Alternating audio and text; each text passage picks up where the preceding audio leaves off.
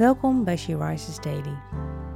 Deze maand staat het thema rust centraal en de overdenking van vandaag is geschreven door Eline van der Wouden. We lezen uit de Bijbel, Jesaja 58, vers 13.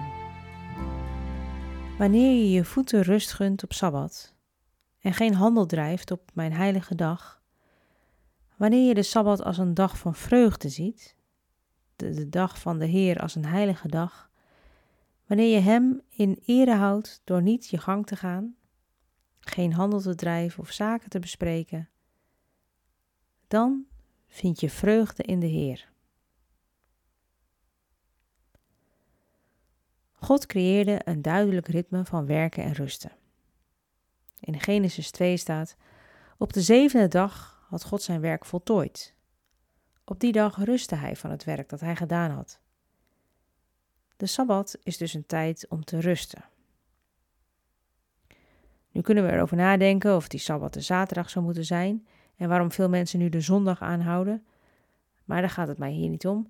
De sabbat is in ieder geval een dag in de week waarop je tijd voor God apart zet. Hoe doe jij dat?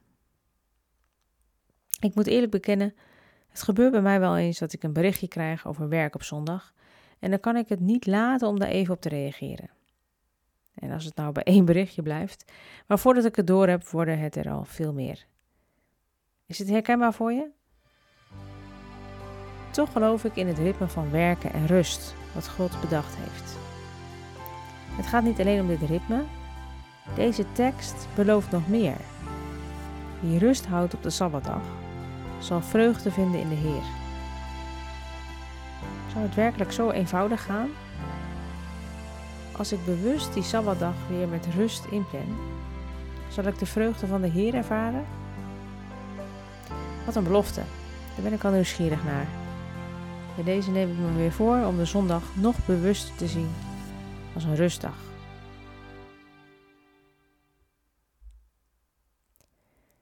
Je luisterde naar een podcast van She Rises.